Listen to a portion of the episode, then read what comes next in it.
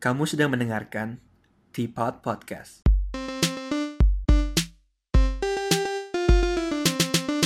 Hello guys, welcome back to Teapot. Di perspektif kita kali ini, judulnya adalah apa kabar demonstrasi, kesalahan, misinformasi, dan melihat hoax.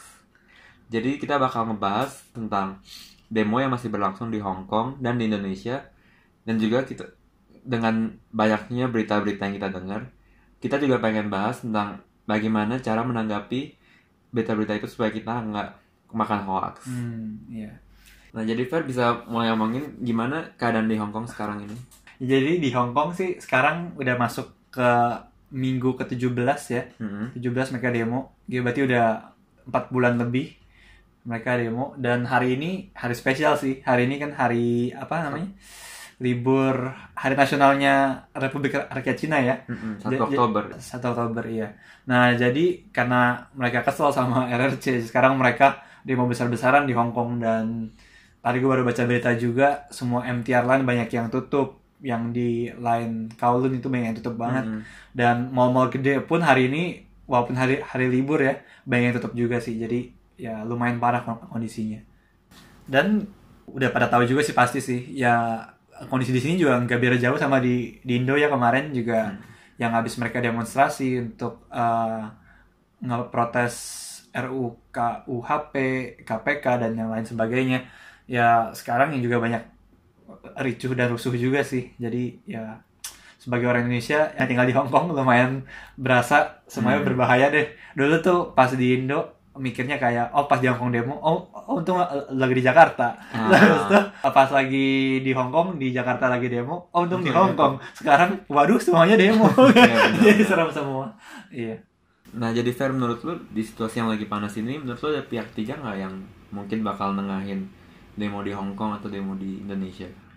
kayaknya gue lihat sih kalau nengahin lumayan susah ya. Biasa banyak kan justru malah yang ngomporin justru emang biasa kalau demo skala besar begini udah kepentingannya tuh biasa udah bercampur aduk sih. Mhm. pasti ada orang-orang yang pengen pakai momentum ini buat kepentingan dia pribadi atau emang ya orangnya seneng ngerusuh aja gitu. Hmm. kayak dulu gue sempet nonton vlognya Panji Panji Pragiwaksono. Dulu katanya dia sempat ikutan demo pas tahun 98 kan mereka kan mahasiswa pada turun ke jalan juga tuh buat nyuarin aspirasi mereka dan ya ya banyak kan sih emang nyuarin aspirasi mau demo damai tapi ada beberapa orang-orang juga ya katanya yang emang pengen berantem aja gitu karena sengaja dan orang polisi desekan akhirnya pas dipukul polisi dia mereka pura-pura kesakitan aduh parah gue dipukul polisi gue dipukul polisi akhirnya parah akhirnya serang balik serang balik akhirnya serang balik akhirnya jadi ricu kena kena konflik gitu nah gue sih di Hongkong juga gitu sih gue rasa kan kayak kemarin gue bilang Hmm. pasti banyak kan yang itulah yang lebih damai kan tapi ada beberapa orang yang emang ya emang dari awalnya emang pengen ng- ngerusuh ya serem juga sih. Jadi akhirnya kita nggak tahu ini beneran protester atau dia dari dari pihak mana. Ada pihak ketiga bahkan. Jadi ya lebih bahaya sih menurut gue Hmm, sebenarnya kalau pihak ketiga dari negara lain mungkin nggak? tiga dari negara lain gue rasa sedikit rumit sih ya. Kalau misalnya negara ini ikut-ikut campur urusan negara negara Indonesia atau negara Hongkong itu kan malah bikin konflik sama negara lain juga sih menurut gue sih kayak apalagi kemarin pas Hongkong minta tolong Amerika gitu kan di Hmm. Amerika ya orang-orang lagi coba dengerin presidennya mereka sendiri kata presidennya pakai teleponnya buat kepentingan pribadi gitu jadi mereka mau Hmm. presiden mereka aja lagi sibuk gimana bisa bantuin sini gitu kan. Terus orang-orang Inggris juga dimintain bantuan, tapi mereka aja lagi sibuk pengen Brexit. Brexit aja keluar dari negara sendiri aja nggak kelar-kelar, apalagi ngeluarin negara orang dari negara yang lain gitu kan. Nah, itu kan di Hong Kong. Gimana kalau di Indonesia sendiri? Kalau di Indo sih yang selama gue pantau dari berita sih lebih parah ya dibanding di Hong Kong ya. Hmm. Mereka baru hari pertama demo aja langsung ada gas air mata, udah langsung langsung ricuh gitu sih langsung bentrok sama polisi dan beberapa jurnalis katanya ada yang ngaku kena kekerasan dari polisi dan sebagainya dan juga ya ya bahkan katanya udah ada korban jiwa juga dari itu dan gue sebenarnya lumayan salut sih dengan di Hong Kong demo 4 bulan bahkan nggak ada korban jiwa Um, ngomong-ngomong soal demo di Indo, kemarin kan ada update um, kalau RUU KUHP itu dipospon. hmm, hmm, Nah, lo ada update apa nggak tentang itu?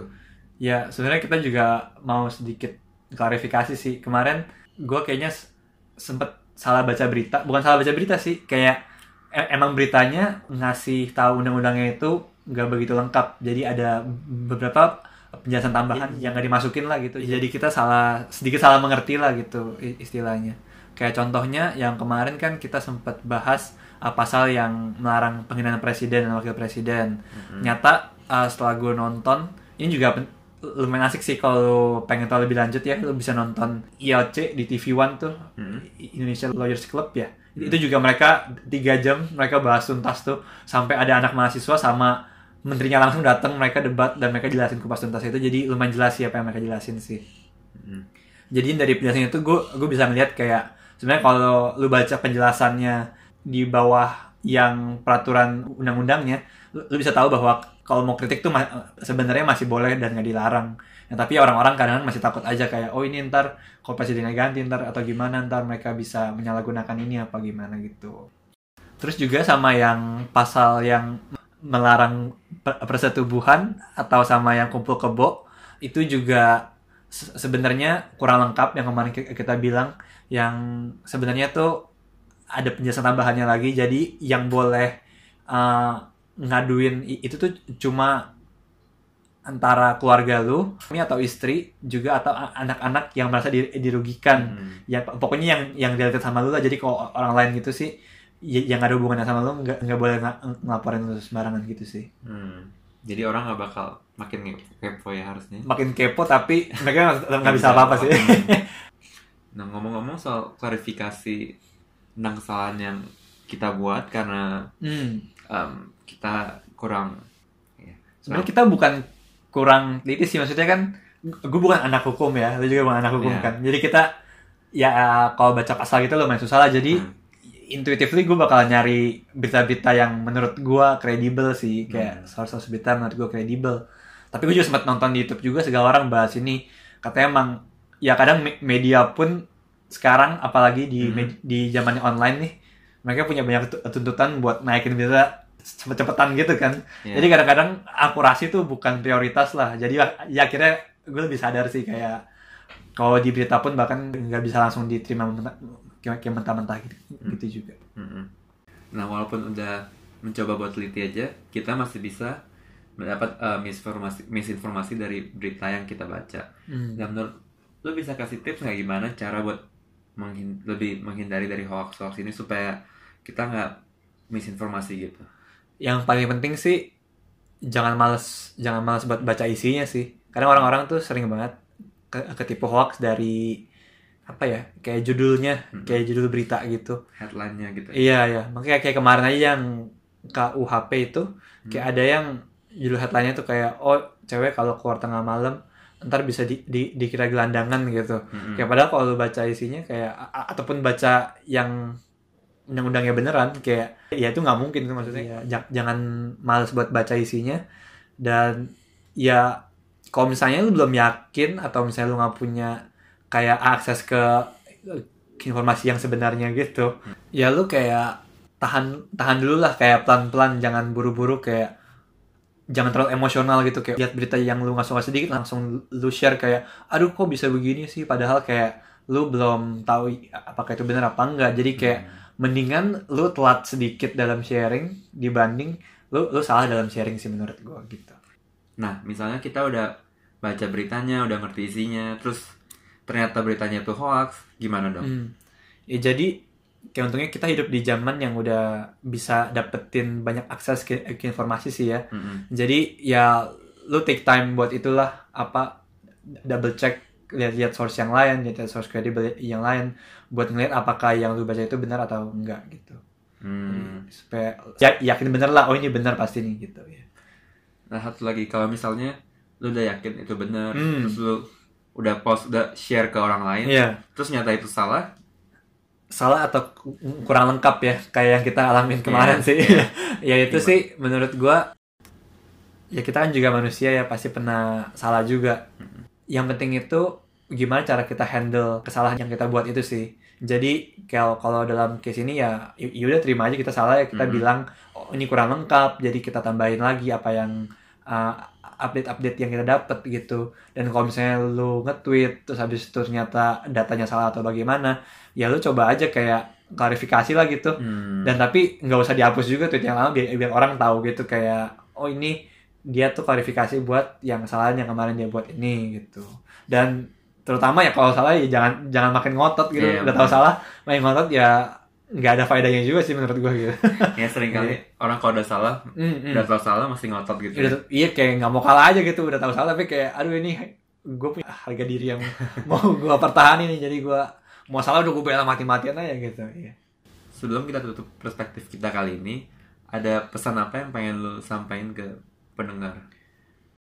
Ya jadi menurut gue sih tetap aja ya kayak ngelihat semua demonstrasi ini gue tetap pikir sih kayak kekerasan itu nggak nggak pernah menjadi jalan yang baik lah Hmm. jadi sebisa mungkin lu menjauh dari jalan kekerasan karena masih sama yang kayak di perspektif satu kayak gue selalu mikir you cannot change law in an unlawful way Mm-mm. dan kalau mau komentar soal yang undang-undang baik lagi kayak emang undang-undang orang-orang itu ternyata emang sangat susah dimengerti dan lu kalau mau komentar atau atau mau menentang itu lu lebih baik baca yang lebih banyak lagi lah buat tentang itu supaya lebih jelas lagi Hmm. dan tadi ta- ta- tadi kita juga udah share uh, beberapa tips buat menghindari hoax di mana dari sebelum kita mendapat hoax saat kita udah baca dan masih kena hoax dan bahkan sampai setelah kita menyebar hoax. Jadi gi- gimana caranya ki- kita uh, menghandle kesalahan kita itulah. Jadi kira-kira gi- gimana? Nah kalau lu sendiri kira-kira ada harapan apa gak dari apa yang kita bahas sekarang ini? ya semoga demonya bisa cepet selesai. Terus habis itu em, nggak makin banyak korban lah ya. Dan yang terakhir semuanya semoga kalian tetap bisa menjaga keamanan jangan menggunakan kekerasan dan kita bisa menjaga tanah air kita. Boleh, boleh. nah gue rasa segini aja buat perspektif kita kali ini. See you on the next perspective Oke, bye. bye Terima kasih telah mendengarkan Teapot Podcast. Jangan lupa share dan follow podcast ini di Spotify dan Instagram at teapot underscore podcast untuk menerima update terbaru. See you on the next perspective.